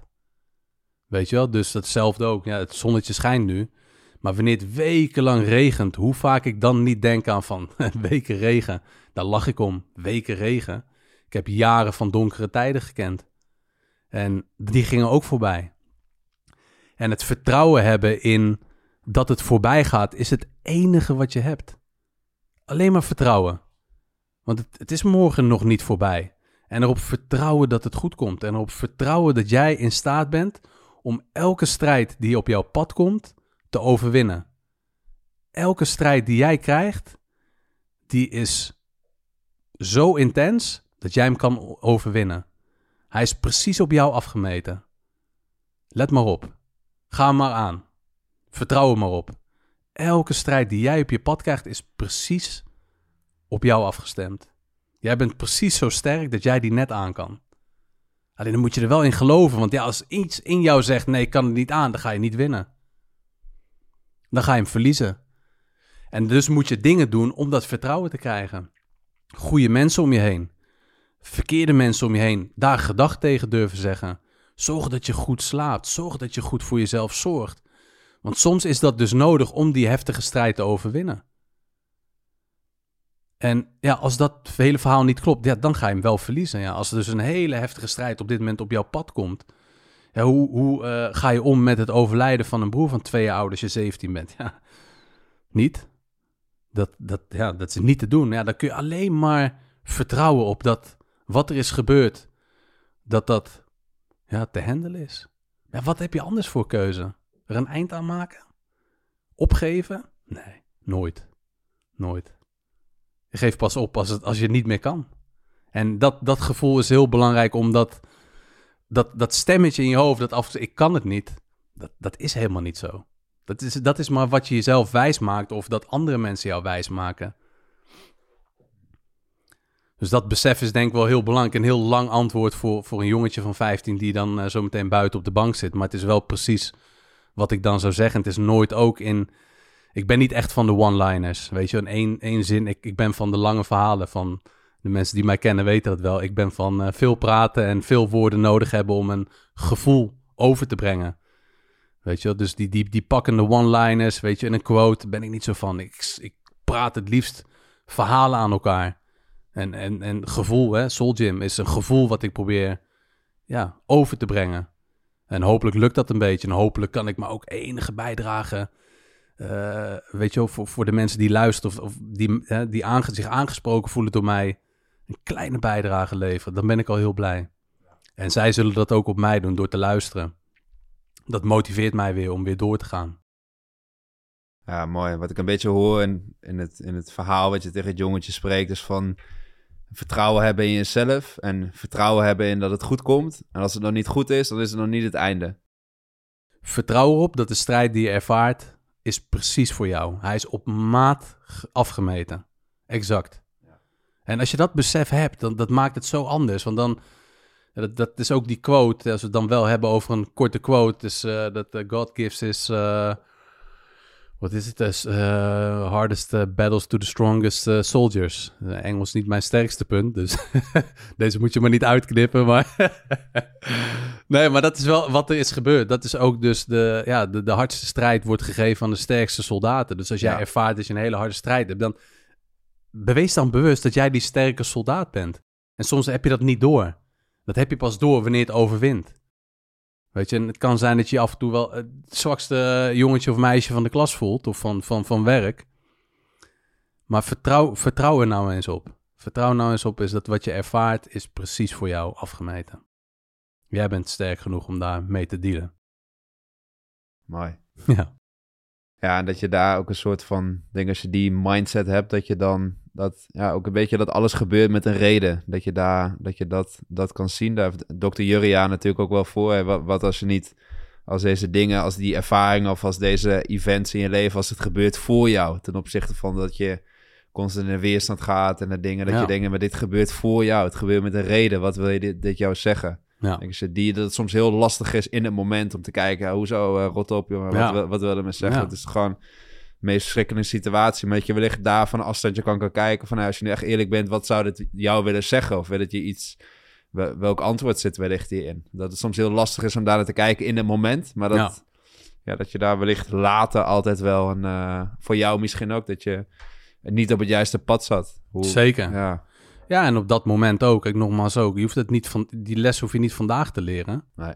Je kan vandaag zeggen ook, nee, vandaag niet. Vandaag ga ik niet naar de gym. Je kan ook zeggen, vandaag... Uh, Ga ik thuisbezorgd bestellen? Prima. Maar morgen, wat doe je morgen? En, en hoe, lang, hoe lang ga je door met, met dat zelfmedelijden? Daar heb ik de laatst ook een post over gemaakt. Die, die heb je misschien wel voorbij zien komen. Ja, die raakt natuurlijk. Dat, dat, dat schuurt een beetje. Dat zelfmedelijden. Ja, op het moment dat mijn broer overlijdt. Op het moment dat ik dus in een hele negatieve situatie zit. Ja, natuurlijk heb ik dan zelfmedelijden. Gewoon tot het plafond. Tot aan het dak heb ik zelfmedelijden. En daar heb ik alle recht toe. En op een gegeven moment wordt het tijd om dat zelfmedelijden naast me neer te leggen. Want het klinkt heel hard wat ik nu zeg. Maar het is nog harder om dus mijn hele leven lang zelfmedelijden te hebben. En er overlijdt iemand en ik maak een potje van mijn leven. Dat is pas erg. Dus op een gegeven moment moet ik ook zeggen: oké, dat zelfmedelijden is geen leuk woord. Hè? Dus, maar het omschrijft wel wat er veel gebeurt. Op een gegeven moment ja, worden we overspoeld door het zelfmedelijden. En, en dat, dat stopt maar niet. En we gaan er maar mee door is gewoon heel belangrijk om op een gegeven moment te zeggen ook... ja, dat zelfmedelijden is een soort overlevingsmechanisme. Gebruik het alsjeblieft. Heb het ook. Heb compassie met jezelf. Op een gegeven moment wordt het tijd om weer die knop om te zetten. Om te zeggen, oké, tien dagen van rouw... of weet ik voor hoe lang je nodig hebt, neem je tijd. En je hoeft er niet per se een, een termijn aan te stellen. Je voelt vanzelf wanneer het genoeg is. En dan pak je de draad weer op en dan, en dan ga je verder. En dan laat het je motiveren. Dat, dat de negatieve situatie, of de heftige situatie, of de traumatische situatie die je meemaakt, laat het altijd leiden tot een positieve situatie. Dan is het er inderdaad om je te helpen. En natuurlijk, ja, weet je, je kijkt ook naar kinderen die overlijden. Ja, weet je, daar wil je niet te veel in, in gaan zitten, want het is natuurlijk wel heftig wat er gebeurt. En waarom gebeurt dat dan? Ja, dan kunnen mensen zeggen ook die dan in zo'n situatie of iemand in hun familie hebben die kanker heeft. Ja, en die horen mij praten, die denken ook van ja, wat zit je nou slap te lullen? Wij hebben helemaal niks aan jouw boodschap. En dat snap ik ook wel. Op dit moment is dit ook niet jouw boodschap. Maar er komt een moment dat dit wel jouw boodschap is. Er komt een moment dat je wel dus door moet pakken. En ik kan ook niet verklaren waarom dat soort dingen gebeuren, want die zijn soms ook niet te verklaren. Maar je hebt, het, je hebt er wel mee te dealen, hoe erg het ook is. Het, het is, ja, je kan er niet voor wegrennen dat er hele heftige dingen in de wereld gebeuren blijf je daaraan uh, hangen? Of ja, pak je het op en doe je wat mee? Ja, nou ja misschien als, als afsluiter hierop. Uh, als ik kijk naar mijn vriendin, die heeft uh, toen zij 13 was, is haar zus aangereden in Amsterdam hier. De, zij was 18 op slag dood. super heftig. Ze heeft haar vader verloren, een, een ziektebed na een jaar. Ehm, vijf jaar geleden super heftig overleden aan ALS en aan de spierziekte. Maar als ik kijk hoe mijn vriendin, hoe zij in het leven staat. En dus elke dag het leven met, volle met, volle, met beide handen aanpakt. En dat ze ook tegen mij zegt, Luke, we, moeten nu, we moeten leven. Voordat je het weet loop je hier en dat, daar gaan we natuurlijk niet vanuit. Nee. Maar als ik kijk hoe zij nu in het leven staat en hoe zij geniet van elke dag en mij ook meeneemt van, oké, okay, elke dag... Het, we maken er elke dag een feest van. Natuurlijk heb je slechte dagen, et cetera. Maar als ik kijk hoe zij in het leven staat, ja, dat is voor mij een enorme bron van inspiratie om elke dag ook... Je weet voordat je het kan het de laatste zijn. En, en, en om daar inderdaad die boodschap waar jij over hebt. Maar zij is daar zo'n belangrijke inspiratiebron voor mij. Uh, dat wat er ook gebeurt, wat er ook dit... We hebben allemaal ons leven te leven en maken het het beste van. Dat is een mooie eh, conclusie van het uh, verhaal. Ja, ik denk dat dat, ja, weet je wat je zegt ook, als je dit soort dingen hoort, ja, extreem heftig. En dat maakt, je, maakt dat je twijfelt aan alle positieve dingen uh, die er dan zijn, een, een, een, godsdienst of spiritualiteit, dat je daaraan gaat twijfelen als dat soort dingen gebeuren. Maar ja, uiteindelijk komt het wel op hetzelfde neer en, en komt het weer terug bij, bij dat ik wel denk dat er meer dingen zijn dan, dan dat wij kunnen beseffen. Uh, kan ik nu zeggen, kan jouw vriendin nu zeggen. Op het moment dat het gebeurt, wil je er niks van. Is ook niet het moment. Nee moment dat iemand, en misschien ook wel, hè. Kijk, misschien dat iemand juist zegt, nou ja, top, ik, ik, ik heb nu die podcast uh, harder nodig. Dan, dat, het is allemaal oké. Ja. Verwerk het op je eigen manier, maar verwerk het. En, en ja, maak daarna weer er het best mogelijke leven van. Dat is daarna aan de hand. Ja. Maar dat, dat gaat niet tegelijk. En vooral niet op het moment dat je net iets heftigs hebt meegemaakt. Daar kun je alleen maar, ja, de pijn van voelen. Daar moet je de pijn van voelen. Die moet je accepteren. En ja, hoe moeilijk dat ook is. Je zei al, je bent niet van de, van de korte quotes en van de lange verhalen. we hebben anderhalf uur uh, volgepraat, uh, Tony. Maar het, ja, het voelde voor mij als vijf minuten. Het vloog voorbij. Gelukkig, ik hoop voor de luisteraar ook. ja, dus dat, uh, ik heb echt anderhalf uur bij het puntje van mijn stoel gezeten. Dus Gelukkig, leuk, ja, ja, bedankt voor je, voor je inspiratie. Dankjewel voor de, voor de uitnodiging. Ja, voor het delen van de kennis jouw podcast, eh, de Barberio podcast, ga dat zeker checken. Volgens mij op alle kanalen is hij, is hij te vinden. Tony Barberio op Instagram, ja. Instagram. Daar deel ik de meeste content. Ja, daar komen ook alle podcasts op te staan, et cetera. Dus ga dat zeker checken. En, Dankjewel man, voor de... Ja. ja. En ik ben heel benieuwd wat je zei, de, de ideeën wat je deelde, de, ja, de bioscoop, de, de, de app die er aankomt. De, de app, hoe, hoe gaat die heten? Fit Community. Uh, als je zoekt op Tony Barberio in de App Store of je kijkt op mijn Instagram, uh, komt die uh, ja. daar tevoorschijn. Kun je lid worden, 5 euro per maand. kleine bijdrage voor hopelijk heel veel resultaat. Waar ik je dan ja, deels in ga begeleiden. Kijk, uiteindelijk moet je het allemaal zelf doen. Dat is een heel belangrijk besef. Maar ik ga je wel handvatten geven, inspiratie geven, leuke events organiseren. Sowieso de community waar dus meer verbinding is dan puur op Instagram. Waarbij ja, heel veel mensen wel eens een berichtje sturen en het gaat makkelijker verloren.